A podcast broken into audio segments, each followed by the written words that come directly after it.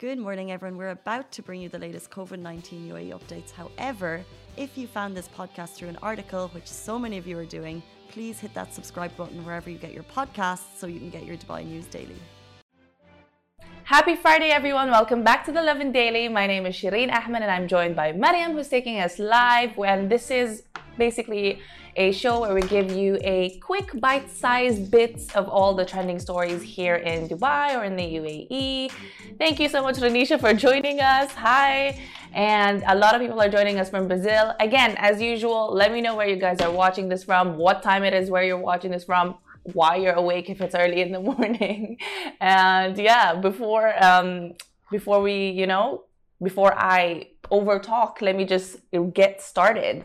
Okay, so, like I said, if you have anybody that's gone to India or if you yourself have gone to India for a little vacation, before they announced the um, temporary suspension of flights on April 25, you may want to take note of this because the suspension of flights from India has been extended until May 14. What does this mean? This means that um, we, you have to actually keep on looking at the Emirates.com website contacting your agent or any Emirates um, Emirates customer service to ensure that your flight is still obviously is still on the go, is still ready to go. Just make sure of that. Okay, because at the moment they extended it until the 14th of May. Earlier, they actually announced this on April 25. Of course, you all remember.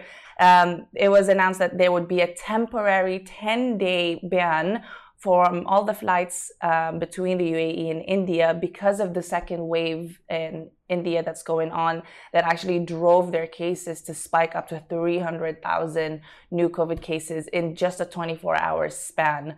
Um, so the 10 days aren't really over yet, but they've already announced this because someone had actually um, received an email from Emirates regarding their flight. And so they took it to Twitter to ask Emirates about this and get the confirmation. All right. So there you go, May 14. Um, and the passengers who have transited through India in the last 14 days are not permitted to board from any other point to the UAE. So again, if you're looking to rebook or see what the case is with you, please contact any Emirates call center or use the Emirates COVID waiver policy. Um, if you're given a code, of course, check your emails because they would have more than likely sent you an update if, of course, you were booked for any time after the 10 days or throughout. Um, and as always, anyone else that's um, all around the world, it's always best to check in with your airlines anyway, right? So that you're always, always, always up to date. There you go. Again, if you want more information on this or if you missed the first half of what I just said, please head on to lovindubai.com for more information. Lovin Extra is here. This is the new membership, and while absolutely nothing changes for our readers, extra members get access to premium content, exclusive competitions, and first look for tickets and access to the coolest events across the city, and Lovin merch. If you subscribe right now, a very cool Lovin Red Eco Water bottle will be delivered to your door. Second thing, if you're a fan of the electric scooters, if you use it to work, I know Renisha, who has joined us, loves her electric scooter. Um, you are banned from using it in Dubai public parks.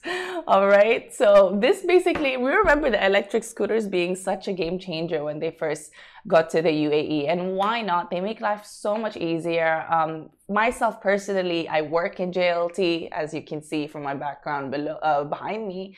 Um, and I live in JLT as well. And I see a lot of people have have really benefited from electric scooters because they take it to work, they go to the supermarket with it. You don't really need much, you just need your phone to activate it. Um, and so it's no wonder that commuters love this so much. If you're an electric scooter person, let me know. And thanks to everyone that's giving me all the hearts on Instagram.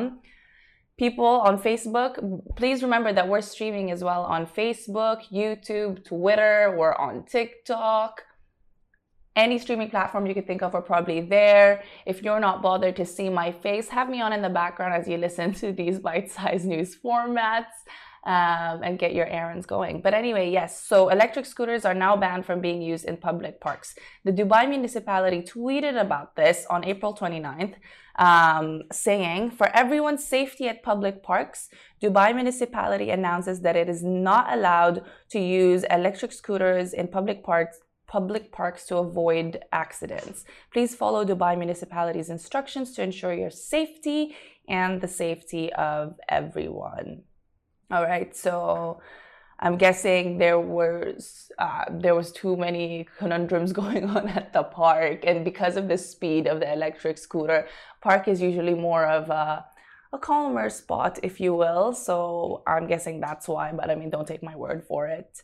So they're doing this obviously to avoid accidents. So it's for the safety of everyone anyway. I mean, hey, you could still you still have so many more areas around uh, Dubai to which you could. Um, use your electric scooter. So worry not, my friends.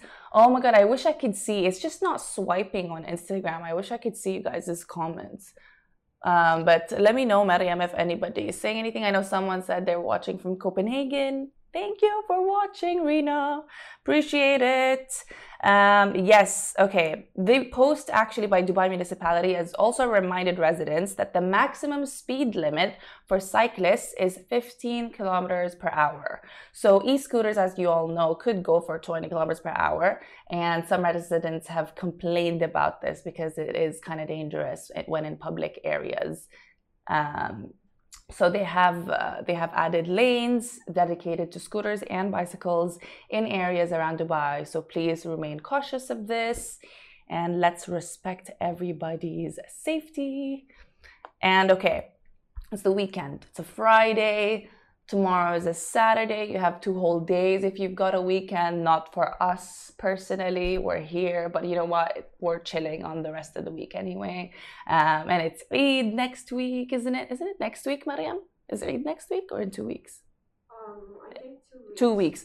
Yeah. Eid is in two weeks. So there you go. But we've got a couple of things. They're fixing something upstairs. My bad my apologies on their behalf if you can hear that. But here are a couple of things that you might want to get up to this weekend. Okay, Dragon Mart.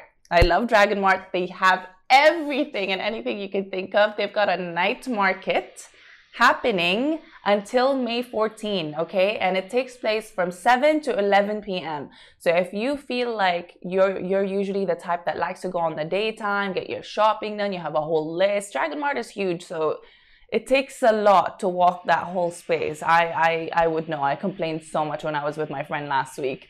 Um, but only during Ramadan, this night market is on. So get your shopping on. If you want to get a few gifts ready for Eid, your Eid, um, what's it called? Your Eid displays, decorations. This is the spot for you. Clothes, toys, everything you can think of. So many, so many things. So that's going to be there. Um, and of course, again, every all of this information, all the things you might want to get up to this weekend is up on the Lovin Dubai website.